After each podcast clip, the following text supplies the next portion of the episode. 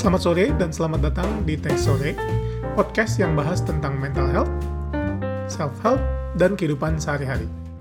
Topik kali ini gue mau lanjutin uh, bahasan tentang uh, yang dua episode belakang udah gue bahas juga tentang loneliness.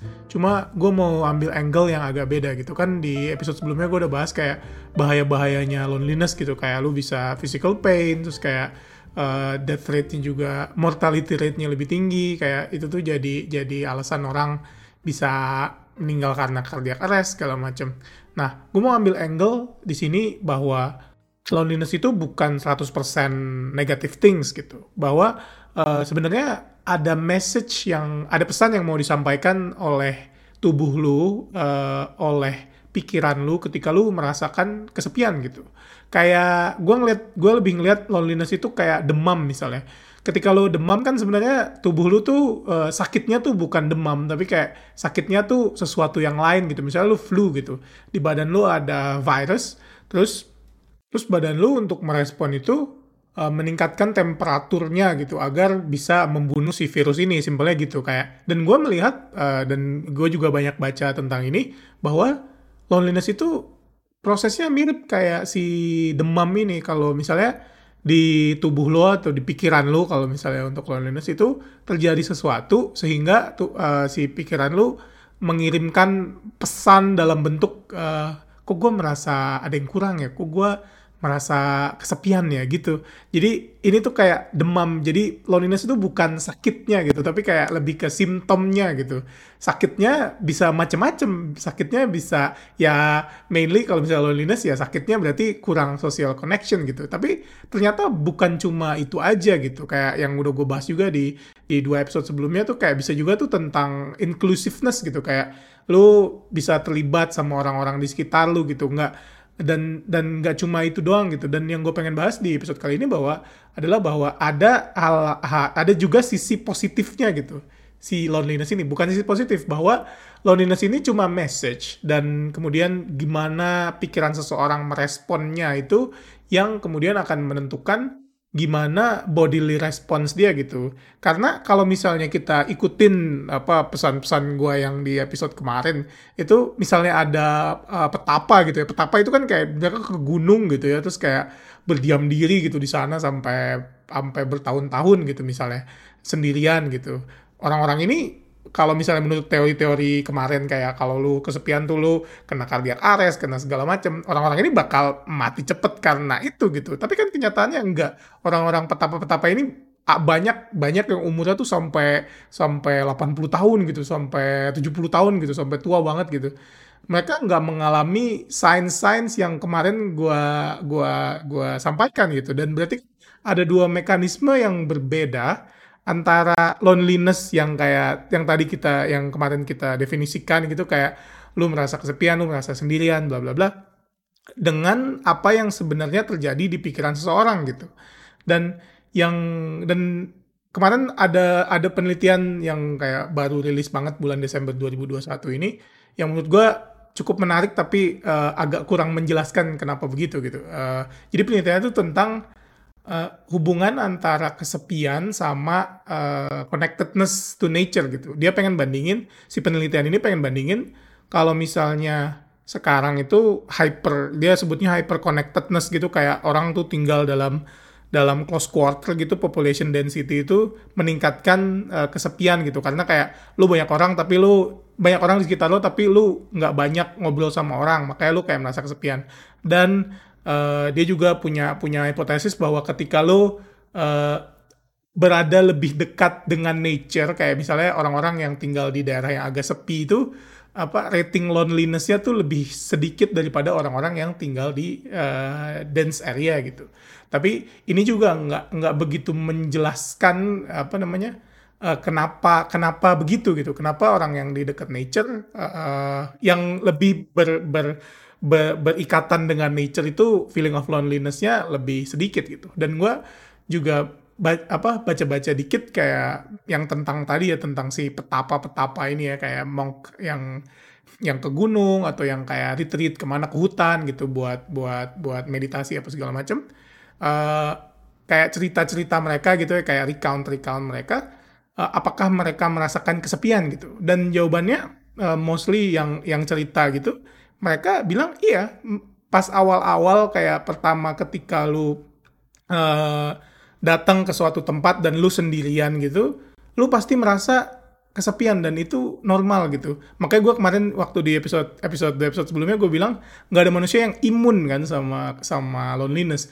Tapi gue juga nggak bilang uh, bahwa loneliness itu sesuatu yang nggak bisa hilang gitu. Jadi gimana uh, eh, gue ngelihatnya kayak di dari dari cita-cita mereka ya bahwa uh, gimana seseorang merespon terhadap uh, loneliness ini yang kemudian menentukan si loneliness ini bakal bakal overtake diri mereka atau enggak dan kebanyakan dari cerita mereka ya dan kebanyakan dari cerita orang yang kayak nulis buku kayak mereka pergi ke hutan atau pergi ke gunung gitu. Terutama yang kayak di tahun 80-an atau tahun 50-an gitu waktu zaman-zaman teknologi itu belum belum semaju sekarang ya. Banyak yang kayak penulis atau komposer atau khususnya orang-orang yang uh, uh, bekerja tuh di bidang kreatif gitu ya. Jadi mereka tuh banyak yang punya cerita punya punya recount bahwa ketika mereka sendiri mereka tuh lebih bisa in touch sama sama diri mereka gitu. Jadi mereka bisa mendengarkan.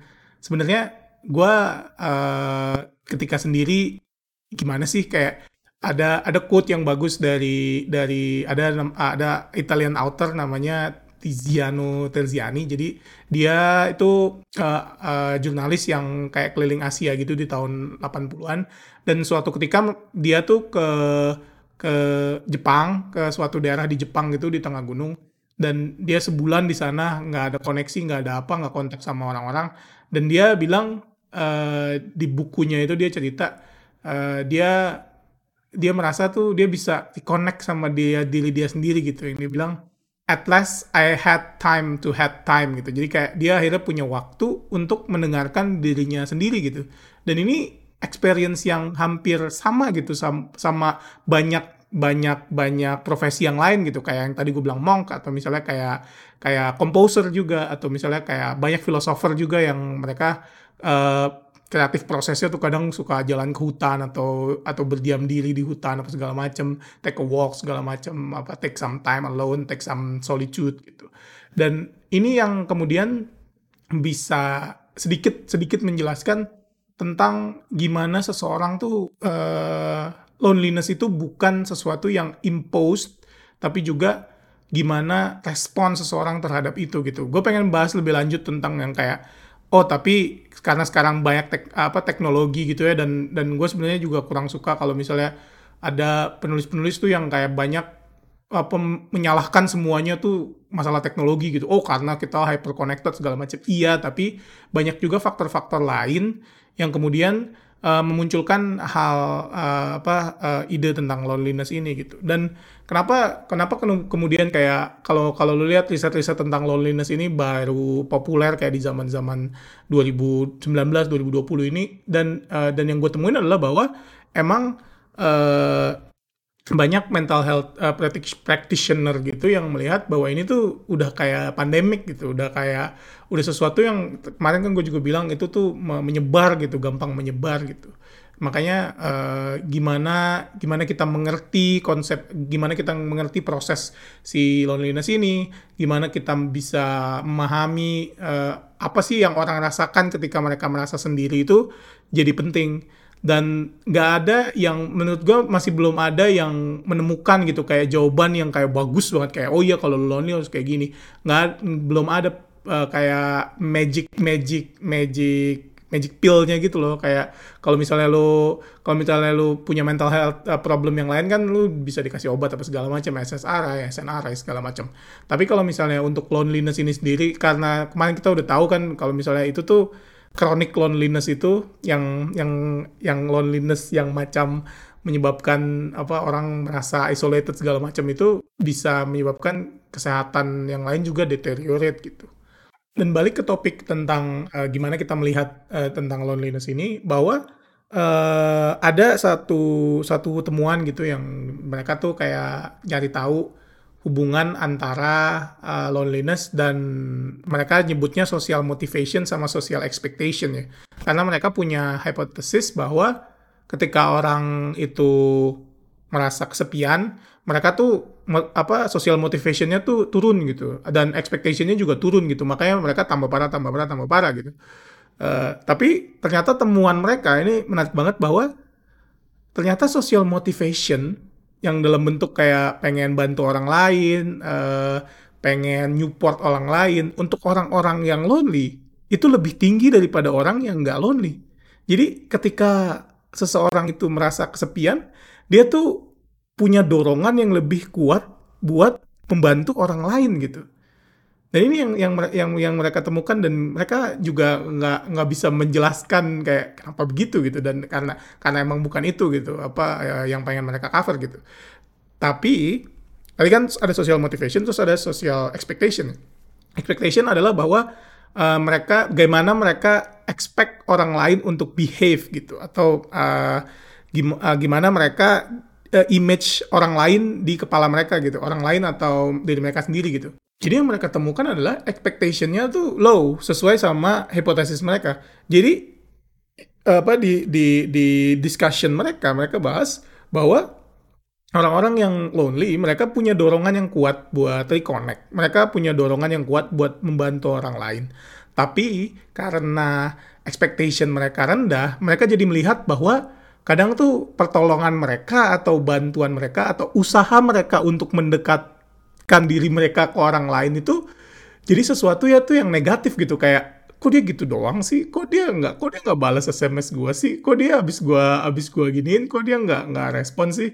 Gitu. Jadi kayak ah mungkin dia ah mungkin dia nggak suka sama gue ah dia emang emang orangnya gitu gitu. Jadi kayak ada view ke orang lain tuh yang negatif gitu.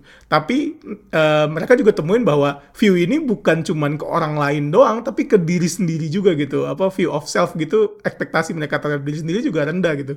Jadi kayak dan gabungan antara positif uh, motivation ini kayak prososial yang mereka mereka sebut prososial motivation kayak menolong orang lain uh, yang tinggi dan apa namanya expectation yang yang negatif jadi lebih parah daripada ketika lu uh, motivationnya negatif dan expectationnya negatif gitu. Karena ketika lu motivationnya negatif lu emang nggak melakukan apa-apa anyway gitu kan. Tapi kalau misalnya da dan lu uh, dan ekspektasi lu terhadap orang lain ya udah gitu. Kayak kalaupun negatif lu nggak berinteraksi berinteraksi sama mereka anyway.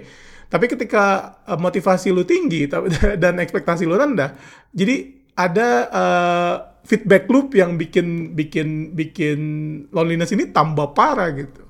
Dan ini temuannya mirip sama mirip sama sama yang kemarin kemarin gue bahas juga kan yang kayak tentang si negatif bias ini dan itu ternyata common memang salah satu common predictor buat uh, loneliness gitu. Dan mereka juga uh, satu piece yang mereka nggak nggak gitu nggak gitu state tapi juga penting mereka bilang biographical biographical apa namanya biographical situation seseorang kayak umur, uh, gender, terus kayak education, earnings itu bukan prediktor yang bagus untuk loneliness. Kayak ya ini tuh nggak bisa dijadiin prediktor buat uh, lonely loneliness gitu. Kayak misalnya lu cewek lu lebih uh, lebih kemungkinan besar untuk lonely.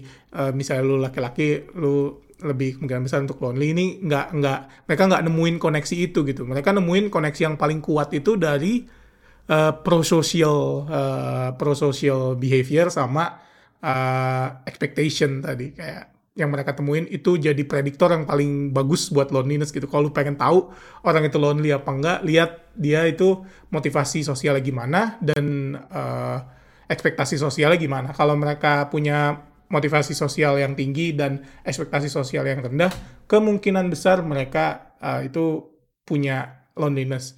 Dan ini gue nggak bahas tentang uh, situational atau atau atau chronic loneliness ya, gue masih bahas uh, loneliness in general gitu mereka bahasnya.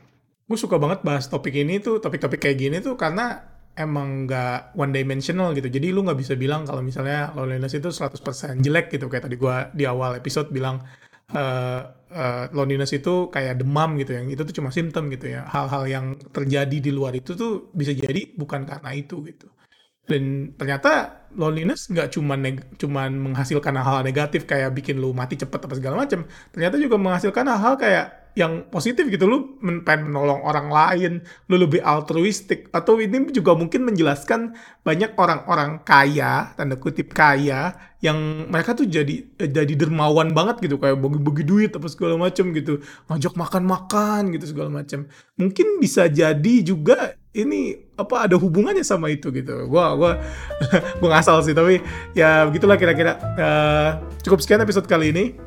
Terima kasih sudah mendengarkan Gue Alvin undur diri. Ciao.